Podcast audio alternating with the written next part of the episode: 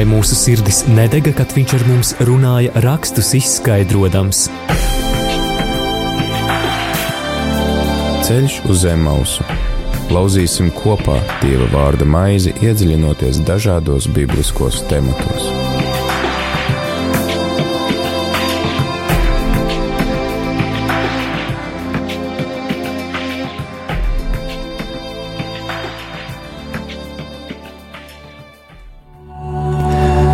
Lai ir slavēts Jēzus Kristus! Atkal ceturtdienas vakars, pulksteni pieci, un pie tevis teica raidījums ceļš uz Emausu. Šoreiz raidījumā būšu es Māris Veliks un arī kāds īpašs viesis, kura balsi noteikti atpazīsiet. Jā, Priesteris es Pēters arī šeit Skudra. esmu. Labrīt, labvakar, es jau esmu pieredzējis teikt labrīt, bet labvakar klausītāji. Laiks ceļam uz Emausu. Mēs iepriekšējo gadu noslēdzām ar stāstu par to, ka Jāzeps tika pārdots verdzībā. Pie mums bija brīnišķīga viešņa, kas ā, tad ā, izskaidroja arī šos te, nu, neizskaidroja, bet palīdzēja saprast Jāzepa sapņus, ā, to, kāpēc viņiem bija konflikts ar šiem brāļiem, kāpēc brāļiem bija tāds liels naids uz viņu, kas bija saistīts ar šo favorītismu, ko viņam izrādīja tēvs, un pēc tam mēs nākamajā reizē runājām par jūdu, vai ne? Jā, tad nākamā reize, kas bija arī pēdējais tiešraides raidījums, tas bija 19. decembris. Mēs kopā ar mācītāju Edgars Godiņu lasījām radīšanas grāmatas 38. nodaļu, kas Priesteri Pēterim šķiet interesanti, ka šajā stāstā par Jāzepu šī 38. nodaļa ir it kā tāda atkāpe. Ja, kāpēc vispār ir tāds off-topiks? Es, ja, teiksim, atgādinot klausītājiem, kas uh, neatcerās pēdējo raidījumu vai, vai nedzirdēja, kāpēc ir stāsts par Jāzepu un viņa brāļiem, pēkšņi tur kaut kur ielien kāds cits tēls. Es eh, varbūt eh, nespēšu sniegt atbildi, par kuru mēs varam teikt, ka tā ir tā īstā un pareizā, bet es domāju, ka mm, gan bibliskajā literatūrā, gluži kā piemēram kino, eh, tā ir tāda normāla, mm, normāla stāsta secība, ka tā kā ir, ir kāds kadrs, kāds cēliens, kas, kur kamera ir fokusēta uz vieniem filmas varoņiem, pēc tam mēs atkal pārmaiņus nokļūstam kādā citā vidē, bet uh, mēs jau zinām arī, ka stāsts par Jūdu un Tamāru, kas eh, bija 38. nodaļas centrā, nu, nav nemaz arī pilnīgi beztēmā, jo galu galā mēs runājam par vienu dzimtu, un tas pats Jūda jau bija arī pieminēts 37. nodaļā, jo Jūda bija tas, kurš uh, arī kādā brīdī mēģināja Jāzepu paglābt no mm, tādas asiņainas nāves un ieteica, varbūt viņu tomēr pārdosim. Tad nu, 38. nodaļā jau šī kamera, kā mē, mūsdienās saka, tiek piezūmota uz šo jūdas tēlu, kurā mm, cīnās tas pretrunīgais. No vienas puses viņš gribēja pa, paglābt Jāzepu, bet arī šeit 38. nodaļā arī parādās tāds cilvēciskais vājums tam, kurš eh, patiesībā būs Jēzus ciltstēvs. Jā, ka mēs arī pēc tam runājam par uh, šo te jūdas lauvu. Uh, ķēniņi nāk no jūdas cilts, jā, tad kaut kā arī šī jū, šis jūda un viņa pēcnācēji tad arī kaut kā īpaši tiek izvēlēti no dieva puses. Tad nav brīnums, ka ir atkāpe, kas runā tieši par viņu, kaut arī kā liek šeit Jā. tas galvenais varonis ir Jāzeps, un tomēr redzam, ka Jāzeps nebūs tas, no kura tālāk nāk aristokrātiskā puse tautām, bet tieši no jūdas cilts tad nāk karaļi. Uh, līdz pat Babilonas trindējumam. Jā, un tā kā mēs zinām, ka Jēzus ir Dāvida dēls, Jēzus ir piedzimis Jūdas ciltī, tad Jēzus citādākā veidā ir arī šīs Dāvida dinastijas, ķēnišķās dinastijas pārstāvis. Jā, bet eh, šodien tad laikam laiks jau iet tālāk uz priekšu. Jā, ne? šeit ā, šoreiz runāsim par radīšanas grāmatas 29. nodaļu. 39. Jā, 39. un Paldies, ka precizēji mani. Šeit mēs ā, atkal atgriežamies pie stāsta par Jāzepu. Jāzeps jau ir nokļuvis Eģiptē. Stāsts būs diezgan pikants, proti, mēs runāsim par Jāzepu un Potifara sievu. Bet ā, tiem klausītājiem, kuri vēlas sekot savās bībelēs vai mobilajās aplikācijās, tad meklējiet radīšanas, jeb pirmās mūzes grāmatas 39. nodaļu, un šodien mēs lasīsim no 1. panta līdz, es piedāvāju līdz 20. pantam, kur loģiski noslēdzas ar eh, Jāzepa Es būtu piedāvājis līdz 18, bet ok, lai, lai iet līdz 20. Jā, bet jā. Eh, tad, nu, pēc īsa brīža piedāvāsim klausītājiem ieklausīties šajā tekstā, un tad to sīkāk pārunāsim.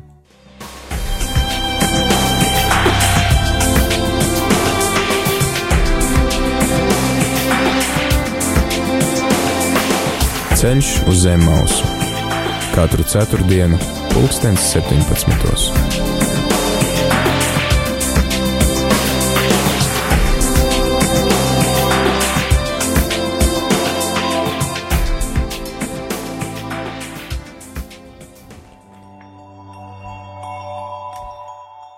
Jāzeps tika aizvests uz Ēģipti, un viņu nopirka eģiptietis Potifars, faraona galvenieks, sardzes virsnieks no izmēlēšiem, kas viņu turp bija aizveduši.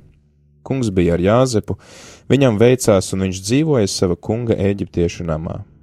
Viņa kungs redzēja, ka kungs ir ar viņu, un ka kungs liek veikties visam, ko viņš dara.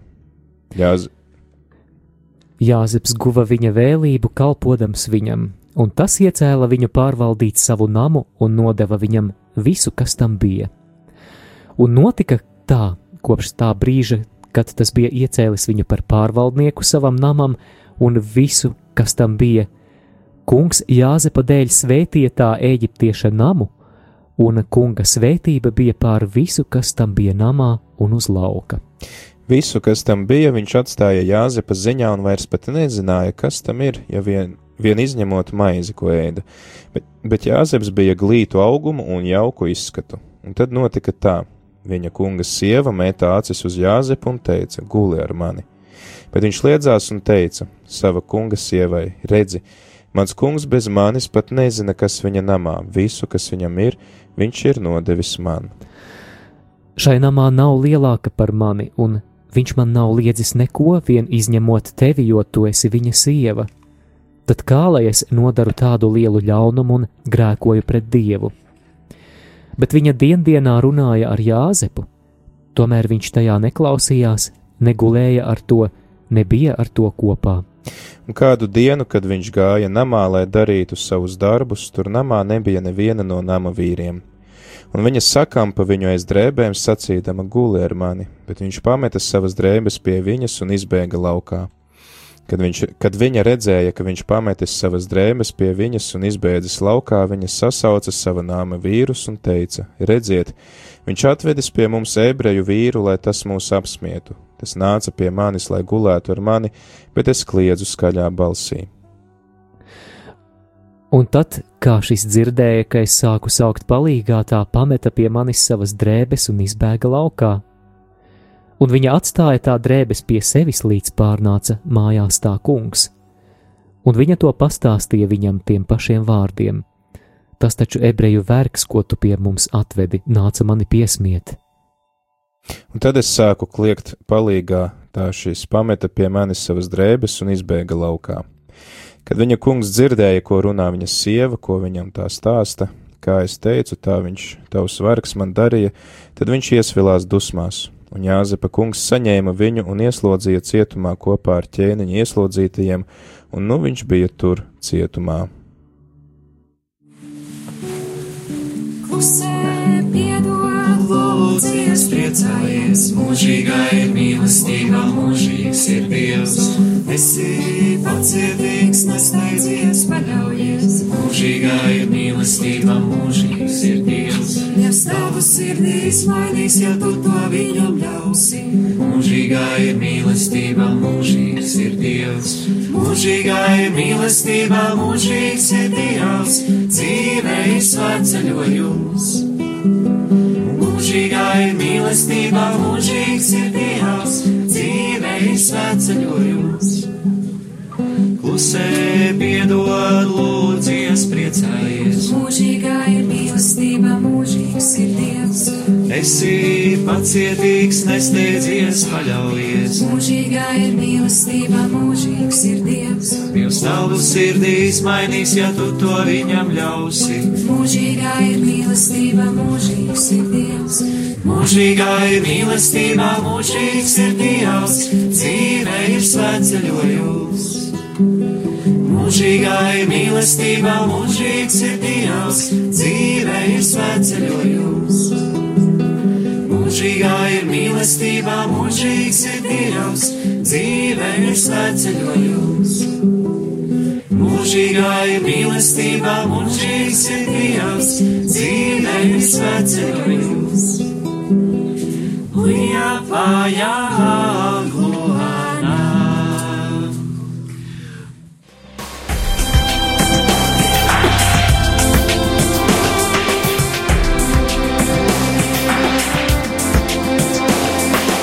Ceļš uz zem mausu katru ceturtdienu, pulkstens 17.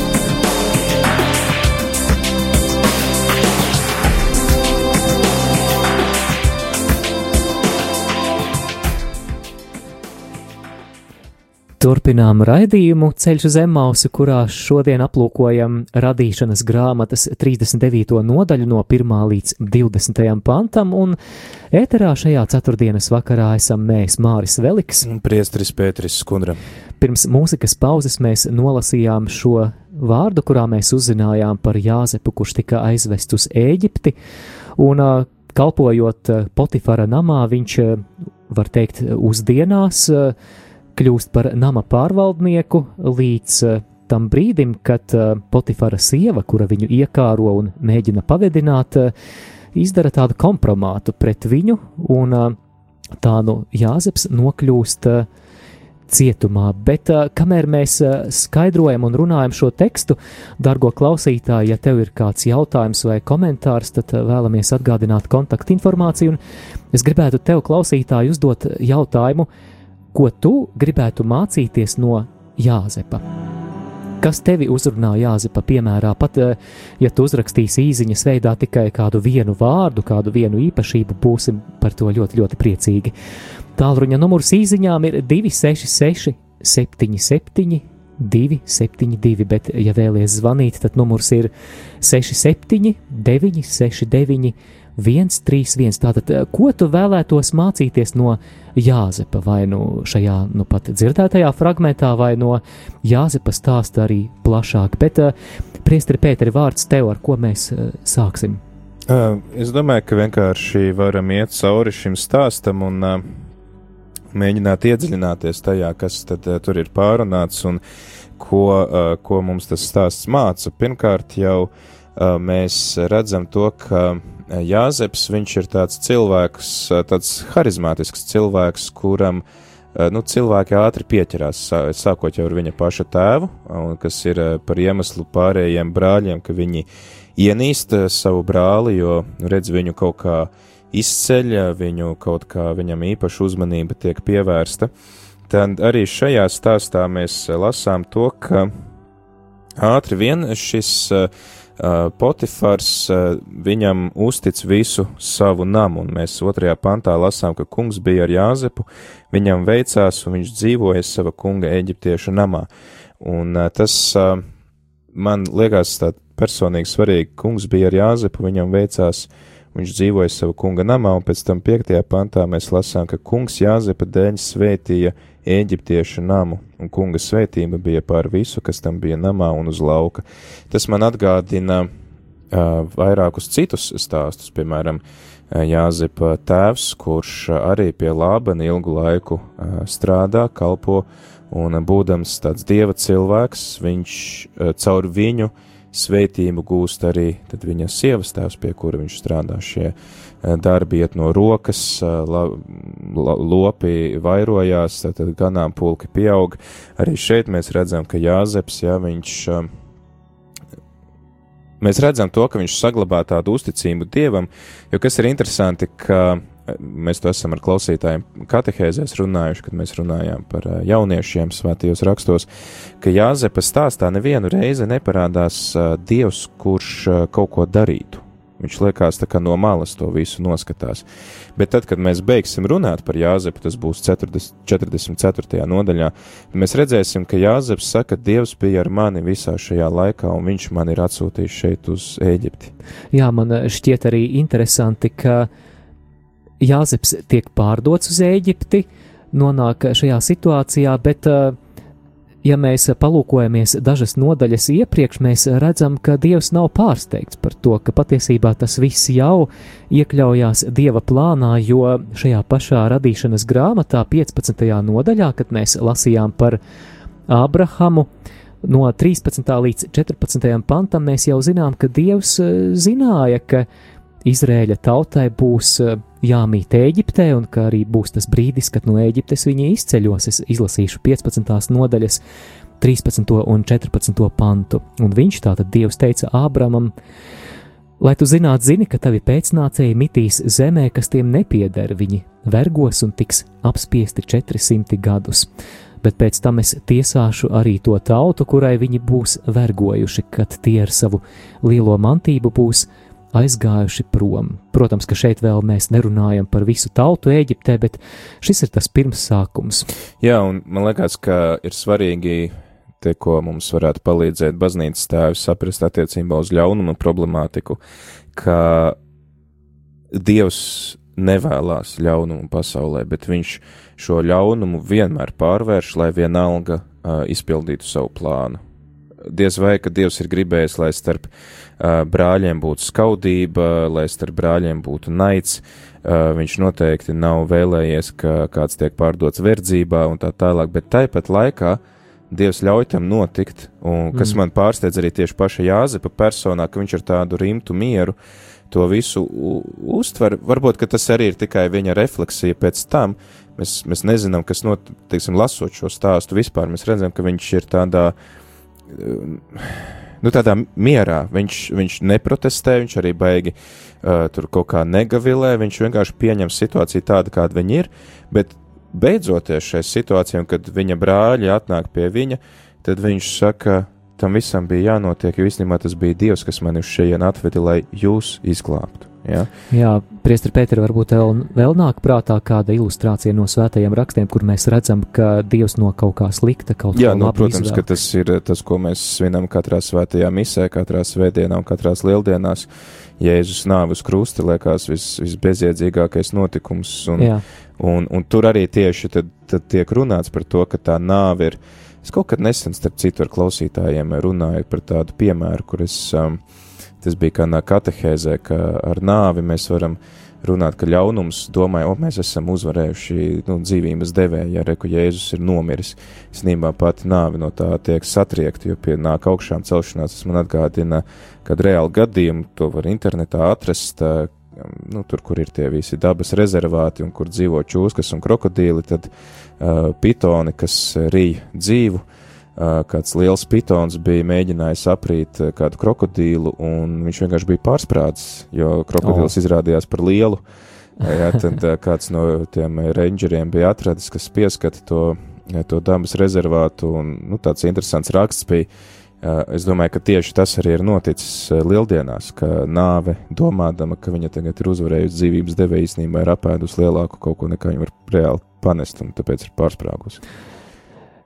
No 2. līdz 3. pantam, kā jau tu minēji, mēs lasām par to, ka Jāzeps ir svētīts, savukārt no 4. līdz 5. pantam, ka caur Jāzepu Dievs svētīja arī vidi apkārt cilvēkus un saimniecību.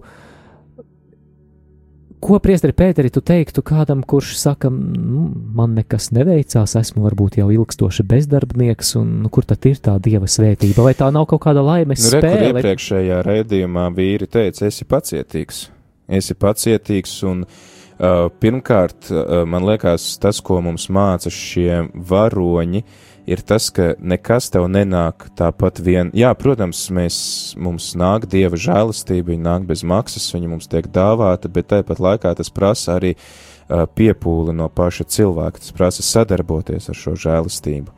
Un Jāzepa gadījumā mēs redzam to, ka viņš uh, nonākot uh, varbūt savas dzīves, nu, mēs teiksim, tā drūmākais periods būs, tā, ka viņš būs tajā cietumā, to mēs pārunāsim Jā. nākamā ceturtdien, um, bet uh, šeit tātad viņš vienalga, viņš ir vergs, vergi tajā laikā ir cilvēki, kuru liktenis ir citu rokās. Tev vispār nav nekādas teikšanas pat pār savu dzīvi. Tu, tu bez, bez atļaujas pat uz to lietu nevar aiziet. Ja?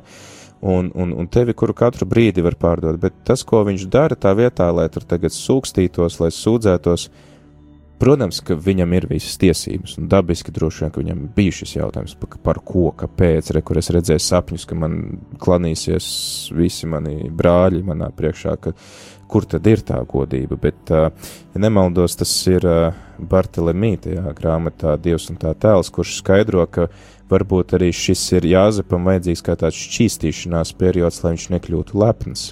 Ja? Lai viņš apzinātos to, ka tas ir Dievs, kas viņu ieliek, uh, Dievs, kas viņu sūta, ka viņam arī šie brāļi klanās viņa priekšā nevis tāpēc, ka viņš ir kaut kāds pārāks, bet vienkārši tāpēc, ka viņš arī ir izredzēts īpašai misijai. Līdzīgi mēs redzam, ka tas notiek arī, piemēram, ar Mūzu. Ja? Viņš arī viņš sajūta gluži dabiski, uh, Un te ir tā arī tā starpība, vai mēs kaut ko darām Dieva spēkā, vai mēs kaut ko darām savā spēkā, pat ja tā ir mūsu misija. Mūzus misija viennozīmīgi bija glābt Izraēlu tautu, vai ne? Jā. Nu, lūk, bet tad, kad viņš to mēģina darīt saviem spēkiem, kad viņš vienkārši dabiski izjūt šo taisnības apziņu un, un visu, ko viņš var izdarīt, ir nosist eģiptieti, kas sita tajā brīdī ebreju, Viņam ir jābēg no Eģiptes, jo viņu pašu meklē nogalināt, ja, ka viņš tagad ir tādu pašdarbību atļāvies. Tad, kad viņš jau nāk dieva spēkā, nosēdējis tuksnesī, man liekas, kāds, diezgan, cik tur kādu viņam bija, diezgan 4, 40 gadu bija, viņš ganīja aitas. Jā, nu tur jāieskatās, bet jā, pietiekami ilgs, pietiekami laiks, ilgs laiks, viņam pašam jau bija bērni, jau pieauguši un tā. Un, un tad Dievs nāk un saka, tagad tu glābsi manu tautu, un tagad tu to darīsi kopā ar mani, nevis viens pats. Ja? Uh, un pasties viņam nekas nav jādara, un, un Eģipte pati atver durvis un, un saka, ejiet ārā. Uh, tāpat arī šeit, un attiecībā uz to, uz to svētīšanu mēs redzam, ka mēs vairākus šādus vecās derības varoņus atrodam, par kuriem svētie raksti saka, ka Dievs bija ar viņu, piemēram, pirmā Samuela grāmata, trešā nodaļa. Mēs lasām, jā, ka Samuels, uh, Samuels ir audzis uh, Samuēls auga un kungs bija ar viņu, un viņš neļāva nevienam savam vārdam palikt nepiepildītam. Ja, tātad tās arī šī dieva svētība izriet no tādām ciešām attiecībām ar Dievu. Jā, Samuēls ir bijis izredzēts īpašai misijai, bet tāpat laikā Samuēls arī ir cilvēks, kurš neļauj nevienam vārdam nokrist zemē. Viņš visu kā Marija ja, patur savā sirdī, un arī tad Dievs rūpējās par to, lai, lai tas neviens viņa vārds ne, nepaietu secen. Vai tāpat arī te ir septi, desmitajā nodaļā, jā, septītais pāns, ka, kad šīs zīmes tev piepildīsies, tad dari kā redzi, jo Dievs ir ar tevi. Un tad ir ļoti svarīga šī te Dieva klātbūtnes apziņa. Tas ir arī tas, par ko mēs runājam īstenībā Ziemassvētku laikā, kad Dievs ir ar mums, Dievs ir Emanuēls, jā. Tad šī dieva klātbūtnes apziņa ir tā, kas mums tad arī nes to svētību. Piemēram, par Dāvidu mēs lasām arī Samuela, 1. Samuela grāmatā 18. nodaļā, lai ko Dāvids darīja, viss viņam veicās, un kungs bija ar viņu. Bet mēs arī, man liekas, nedrīkstam maldīgi pieņemt, ka tagad uh, dieva klātbūtnes zīme ir tas, ka man veicās biznesā, man veicās uh, uh, panākumos, man veicās karjerā, jo mēs redzam to, ka gan, gan uh, Jāzepam bija jānokrīt ļoti, ļoti dziļi. Jā, jā, jā, jānonāk tik zemu, ka tev nav pašam savas cieņas, tev nav pašam savas vērtības, citi lemj tavā vietā. Viņam jānonāk ieslodzījumā bez pamata, netaisnīgi jānonāk cietumā, lai pēc tam viņš būtu gatavs izpildīt to savu misiju. Dāvidam arī, cik viņš strauji uzauga uh, par veiksmīgu karapulku vadoni, viņu meklē nogalināt viņa paša karalis. Uh, Pēc tam viņš, eh, viņš atkal būdams veiksmīgs karalis, apvienodams visu tautu, pret viņu saceļās viņa paša dēls un meklē pret viņu atentātu, viņam ir jābēg trimdā. Ja, arī var prasīt, jau kāpēc, ja?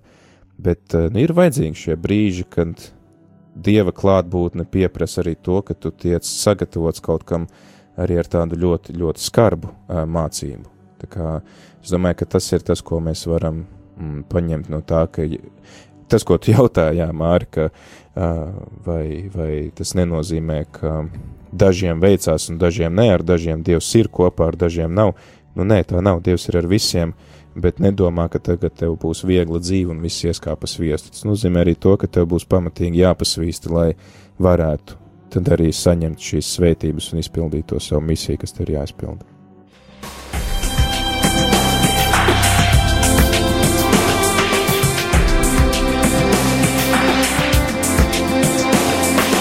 Ceļš uz zem mausu katru ceturtdienu, pulkstens 17.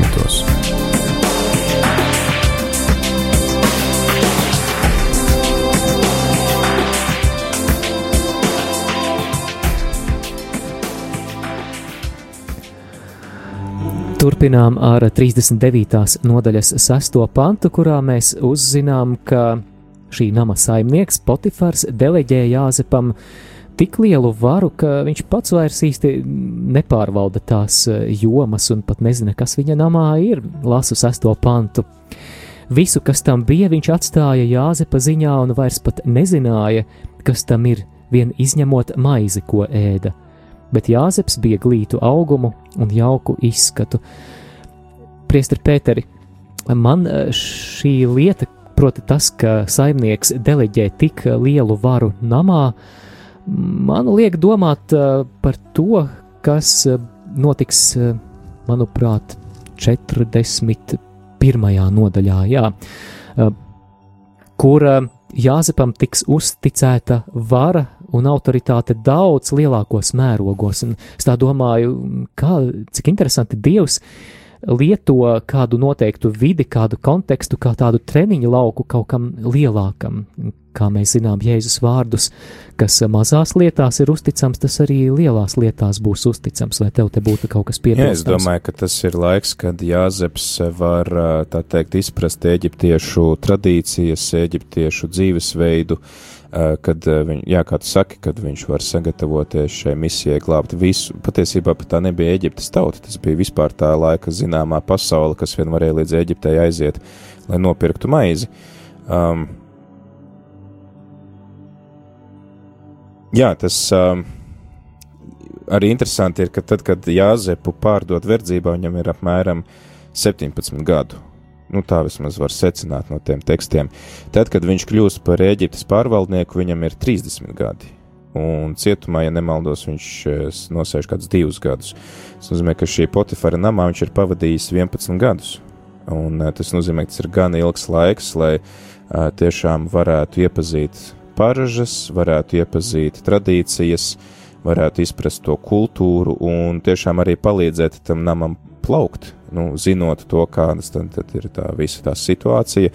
Interesanti, ka arī paša Potifara tēls, es tā paskatījos, ko nozīmē tas, ka viņš ir uh, faraona, kā te ir teikts, uh, faraona galvenieks, sardzes virsnieks. Um, tas uh, varētu būt tāds kā uh, faraona drošības dienesta pārstāvis, kurš uh, visticamāk arī ir bijis tuvu stāvošs pašam faraonam. Par galvenieku tur interesanti ir tāda lieta, kāpēc arī ir šī uzmākšanās no Potifara sievas. Um, starp citu, vārds Potifars nozīmē veltīts saulē. Uh, nu, tā ir tāds eģiptiešu vārds, kam ir arī tulkojums. Uh, galvenieks uh, atsevišķos Bībeles tulkojumos skaidro, ka tas varētu būt arī sinonīms vārdam Enohs. Tātad tie, kas ir ļoti tuvu stāvoši faraonam, karaļiem, ka tātad šis cilvēks ir kastrēts. Un iespējams, ka kaut kādu varbūt rituālu vai darījumu laulību rezultātā viņam ir šī sieva, nu, kurai tad viņš nespēja dāvāt mm. to, ko katram vīram vajadzētu dāvāt, un tāpēc viņa, redz, tad, tad kā arī teica, ka viņa viņam dien dienā, mēs jau nezinām, cik ilgi, varbūt tas ir gadiem ilgi, viņam tā, tā sieva uzmācās. Bet uh, Par eh, to mēs noteikti runāsim jau pēc īsa brīža, laiks muzikālajai pauzē, bet eh, mēs ar Priesteri Pēteri noteikti priecātos šajā raidījumā saņemt to sajūtu, ka jūs mūs dzirdat. Atgādinām jautājumu. Jā, pagaidām liekas, ka mēs runājam Jā, paši ar sevi. Jo neviens nav uzrakstījis, neviens nav piezvanījis. Atgādinu, kāds ir jautājums klausītājiem. Tāpēc klausītāji Liepājā, Krāslavā, Aglonā, Valkā, Rīgā tagad paņem rokās savus telefonus un uzraksta vienu lietu, kuru jūs gribētu mācīties vai kā īpašību iemantot savā dzīvē, kas piemīt Jāzepam? Ko jūs gribētu mācīties no Jāzepa stāsta? Protams, arī, ja tev ir kāds komentārs, pārdomas vai jautājums, droši raksti. Numurs ir 266, 77, 272. Ja vēlaties piezvanīt, numurs ir 67, 969, 131. Domāju, ka šīs dziesmas laikā noteikti, noteikti jūs, eh, vismaz daļa no jums to izdarīsiet. Us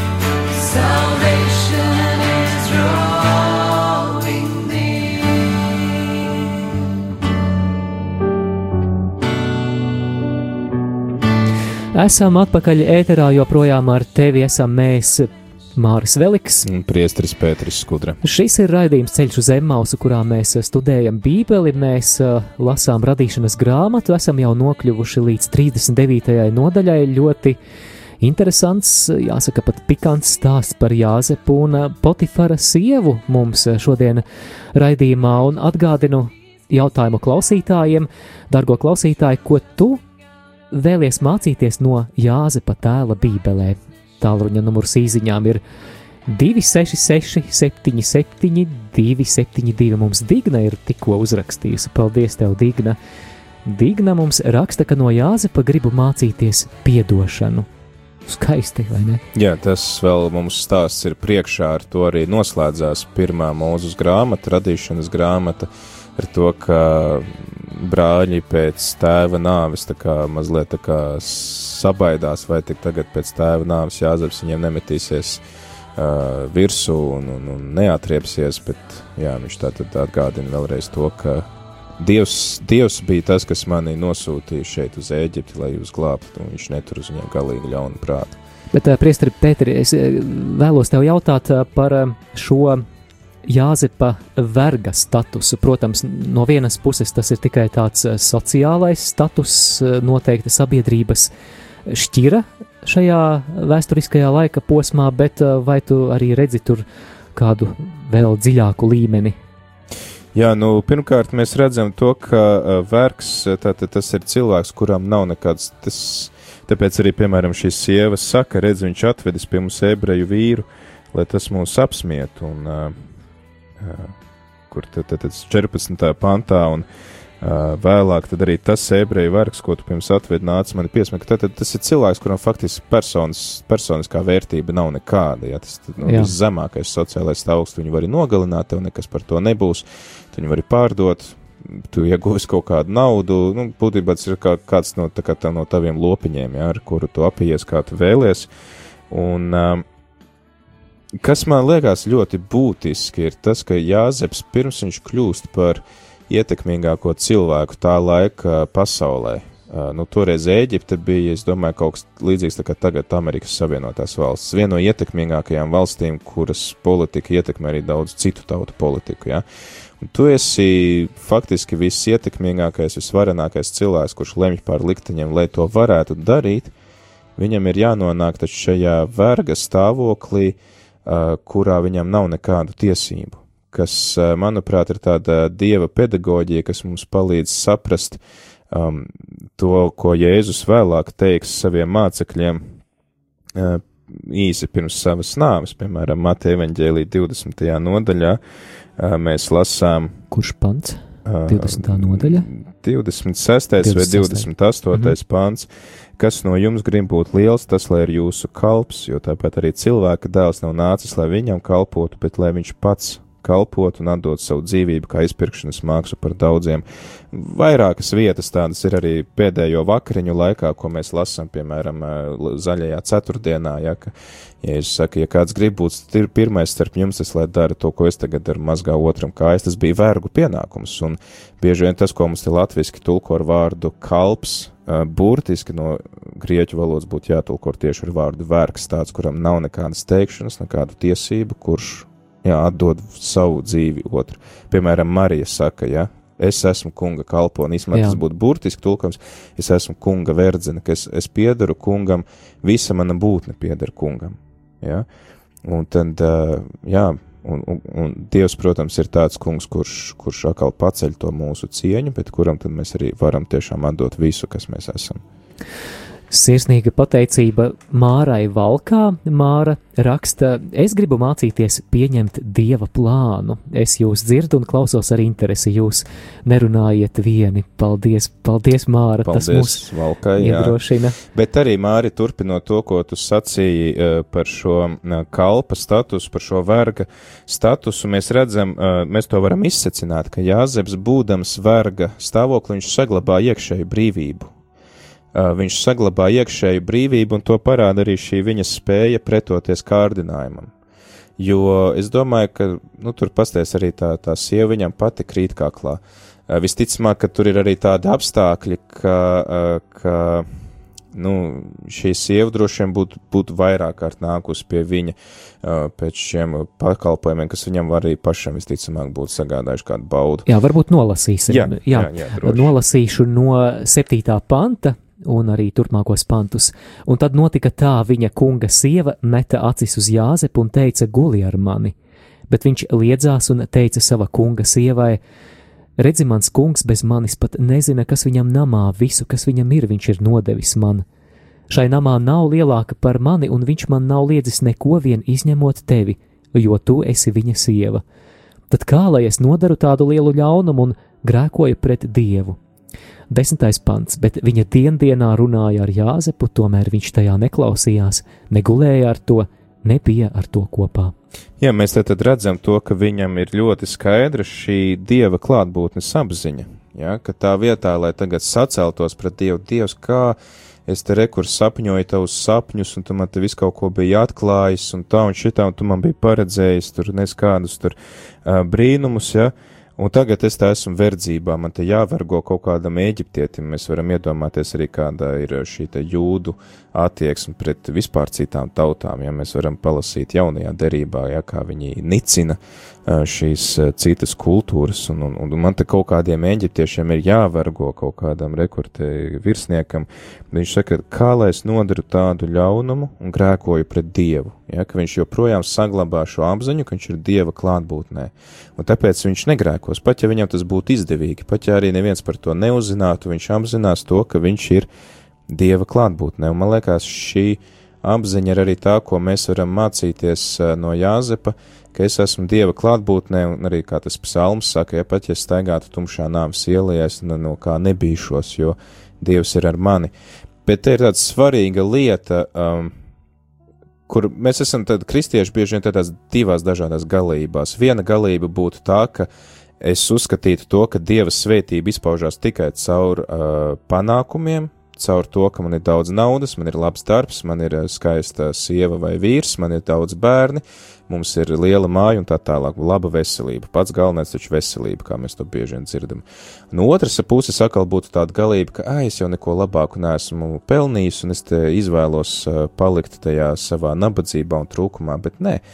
Tas, ko Jāzeps un arī visi citi šajā bībeles varoņi mums rāda, ir tas, ka viņi pieņem situāciju tādu, kāda viņi ir, bet viņi paņem no tās situācijas maksimumu, ko var paņemt.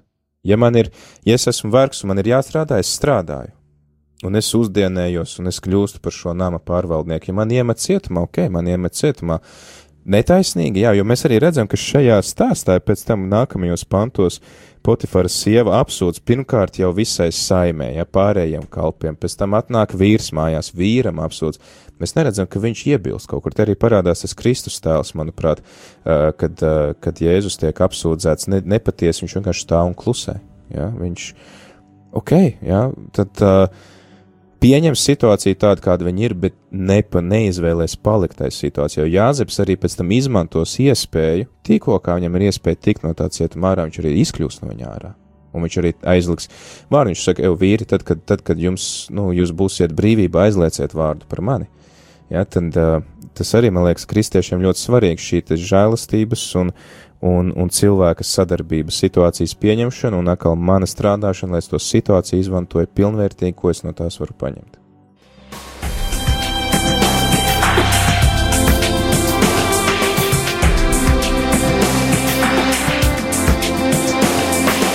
Ceļš uz zem mausu katru ceturtdienu, pulkstens 17.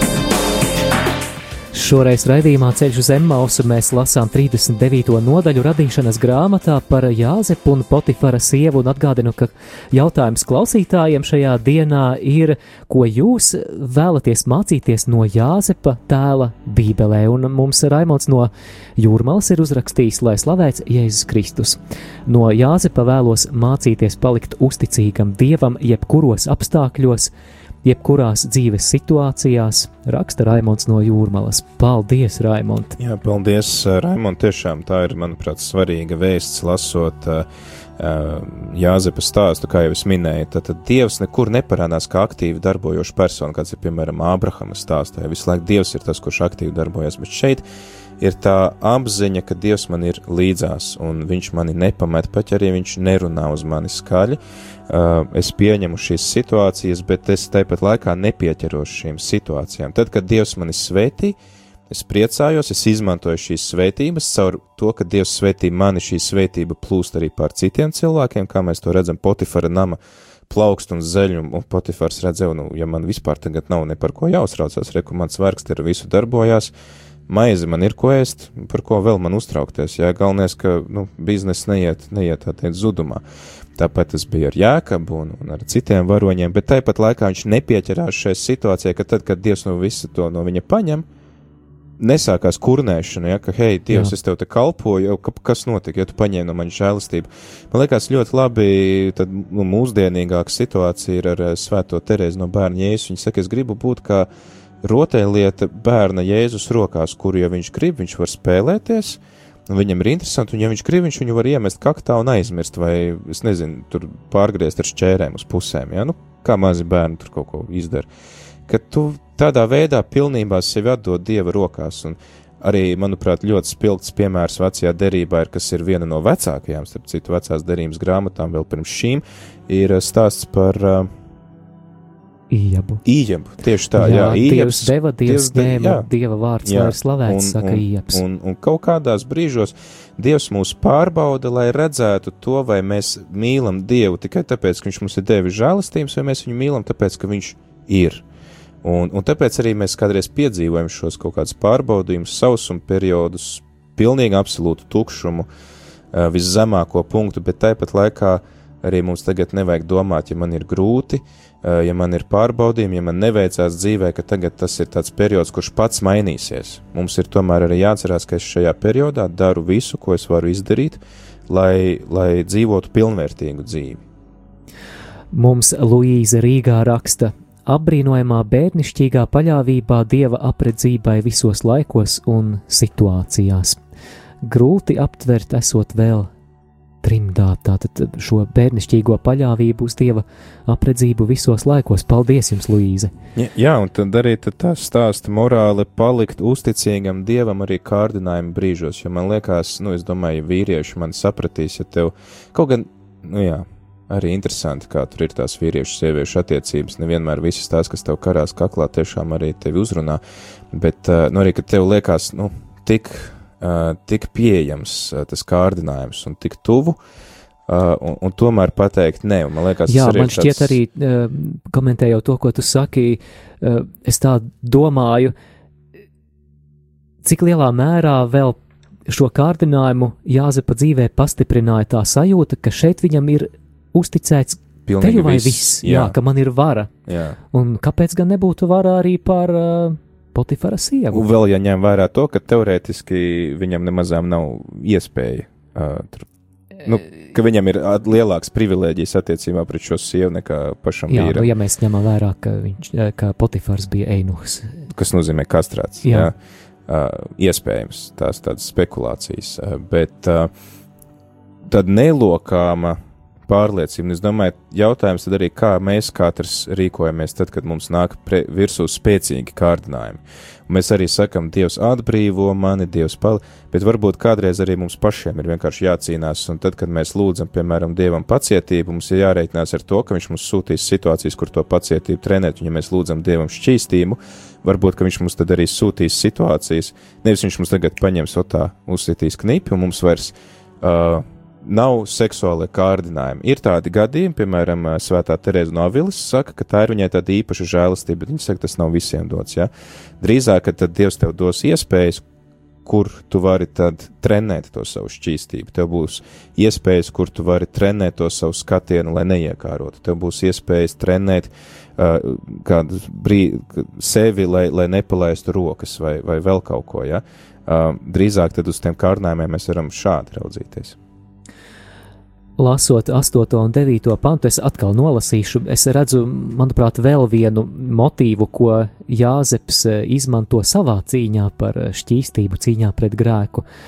Viņš eh, Potifara sievai saka, redzi, mans kungs bez manis pat nezina, kas viņam namā, visu, kas viņam ir, viņš ir nodevis man. Šai navā nav lielāka par mani, un viņš man nav liedzis neko vien izņemot tevi, jo tu esi viņa sieva. Tad kā lai es nodaru tādu lielu ļaunumu un grēkoju pret Dievu?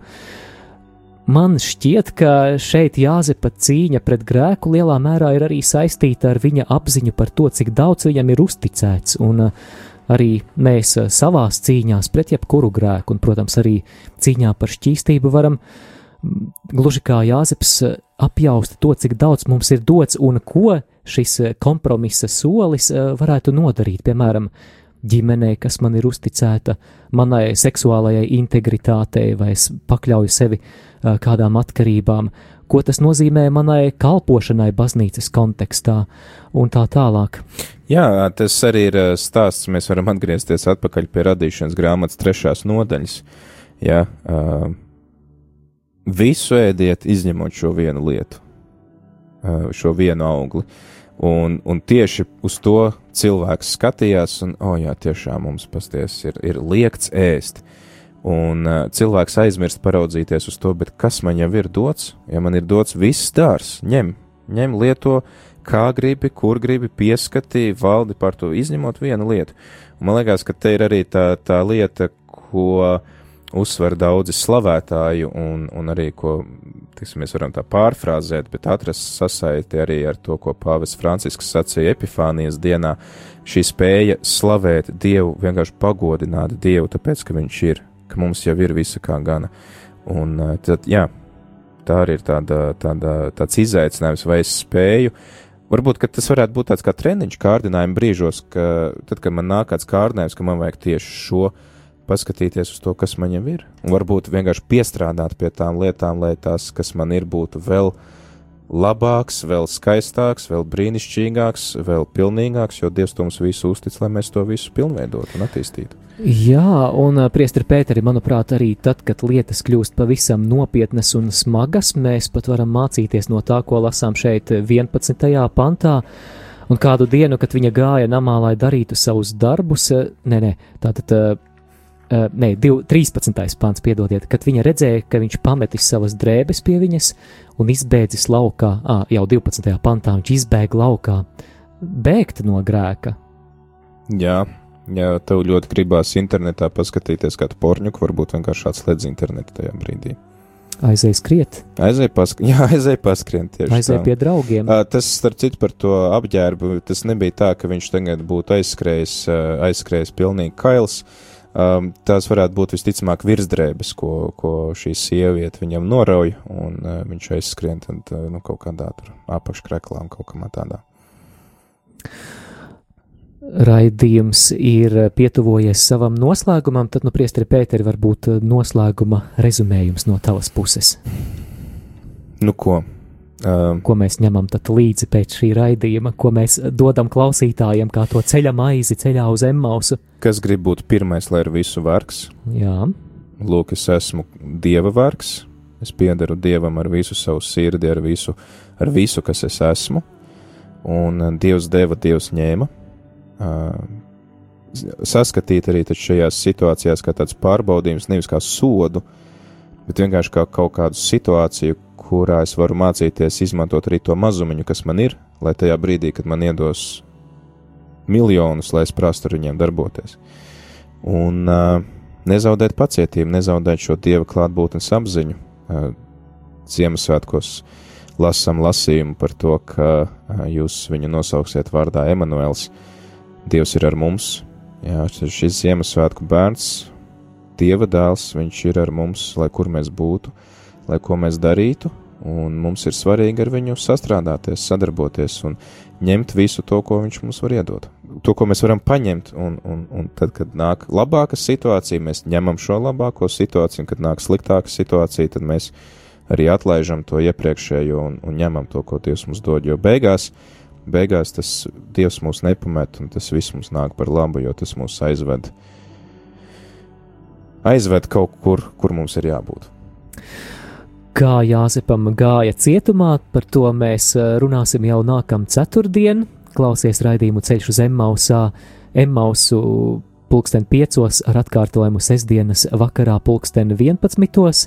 Bet šajā brīdī mēs, Māris Veliks Un, un priesteris Pēteris Skudra. atvadāmies un sakām paldies par klausīšanos, par jūsu lūgšanām, par kopā būšanu un, protams, arī par iesaistīšanos ēterā. Esiet svētīti!